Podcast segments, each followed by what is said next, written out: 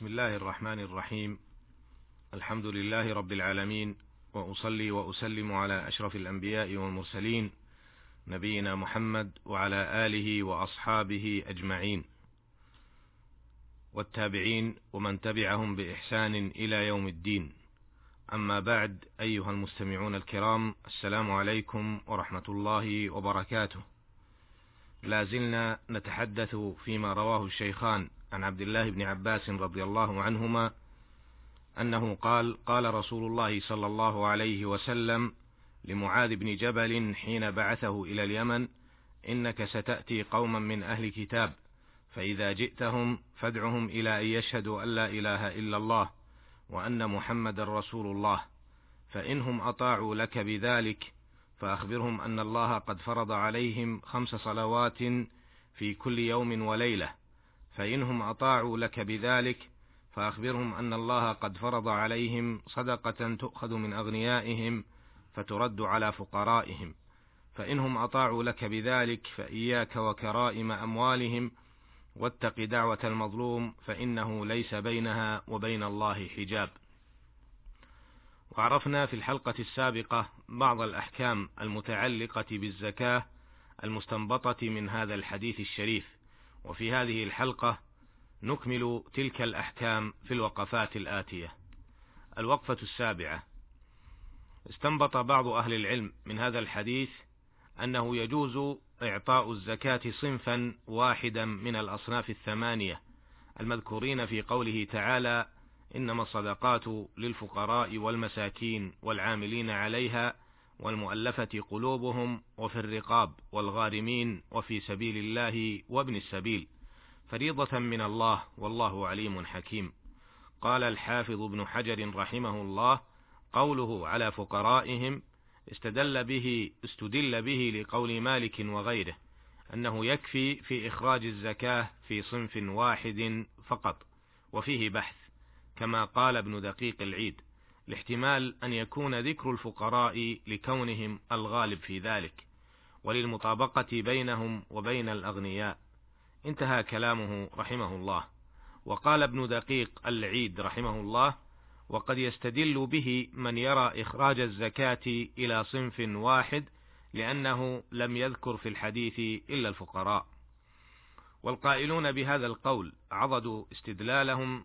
هذا بقوله تعالى إن تبدوا الصدقات فنعما هي وإن تخفوها وتؤتوها الفقراء فهو خير لكم. فلم يذكر الله سبحانه وتعالى في الآية من أهل الزكاة إلا الفقراء مما يدل على أنه يجوز أن تصرف فيهم وحدهم. الوقفة الثامنة.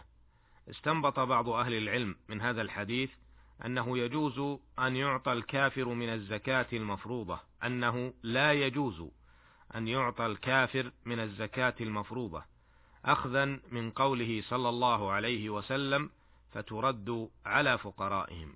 فالرسول صلى الله عليه وسلم أمر بأن تصرف الزكاة في فقراء المسلمين. يقول النووي رحمه الله وفيه أن الزكاة لا تدفع لكافر ويقول الحافظ ابن حجر رحمه الله وفيه أن الزكاة لا تدفع إلى الكافر لعود الضمير في فقرائهم إلى المسلمين سواء قلنا بخصوص البلد أو العموم. ويقول ابن قدامة رحمه الله لا نعلم بين أهل العلم خلافا في أن زكاة الأموال لا تعطى لكافر ولا لمملوك. قال ابن المنذر أجمع كل من نحفظ عنه من أهل العلم أن الذمي لا يعطى من زكاة الأموال شيئا ولأن النبي صلى الله عليه وسلم قال لمعاذ أعلمهم أن عليهم صدقة تؤخذ من أغنيائهم وترد في فقرائهم فخصهم بصرفها إلى فقرائهم كما خصهم بوجوبها على أغنيائهم. انتهى كلامه رحمه الله. الوقفة التاسعة. استنبط بعض أهل العلم من هذا الحديث أنه لا يجوز أن تنقل الزكاة من بلد إلى آخر وأنه لا بد أن تصرف في البلد نفسه أخذا من قوله صلى الله عليه وسلم فترد على فقرائهم فالضمير في فقرائهم راجع إلى فقراء البلد نفسه. يقول الخطابي رحمه الله. وفيه دليل على أن سنة الصدقة أن تدفع إلى جيرانهم وألا تنقل من بلد إلى بلد. وكره أكثر الفقهاء نقل الصدقة من البلد الذي به المال إلى بلد آخر إلا أنهم مع الكراهة قالوا إن فعل ذلك أجزأه. إلا عمر بن عبد العزيز رحمه الله فإنه يروى عنه أنه رد صدقة حملت من خراسان إلى الشام إلى مكانها من خراسان. انتهى كلامه رحمه الله. وقد اختلف أهل العلم في هذه المسألة.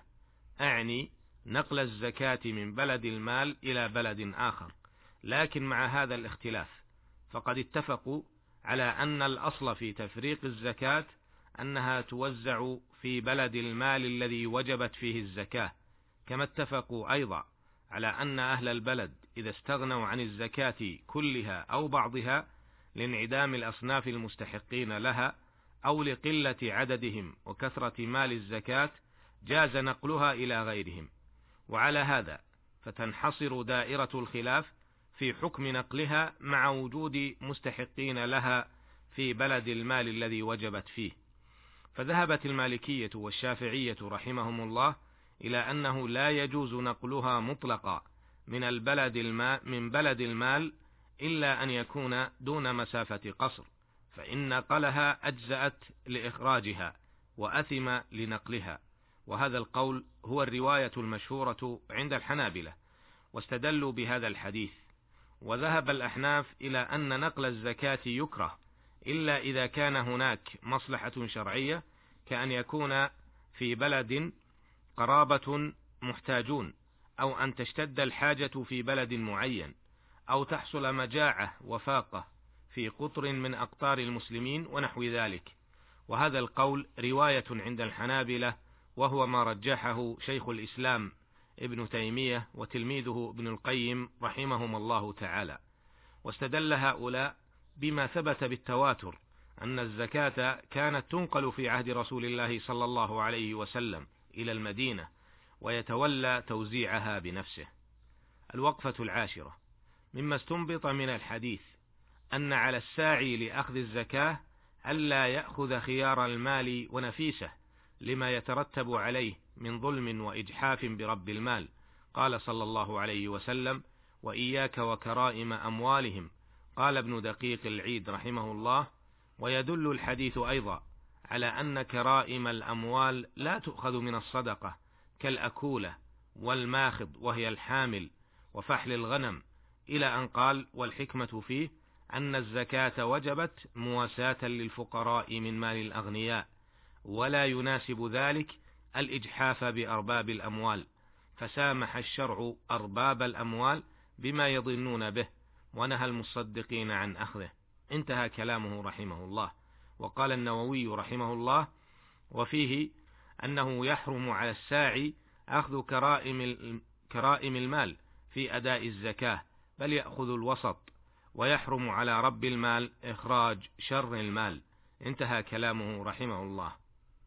أيها المستمعون الكرام تفقهوا في دينكم حتى تعبدوا الله تعالى على بصيرة من أمركم. واحرصوا وفقني الله وإياكم إلى الاقتداء بهدي نبيكم محمد صلى الله عليه وسلم.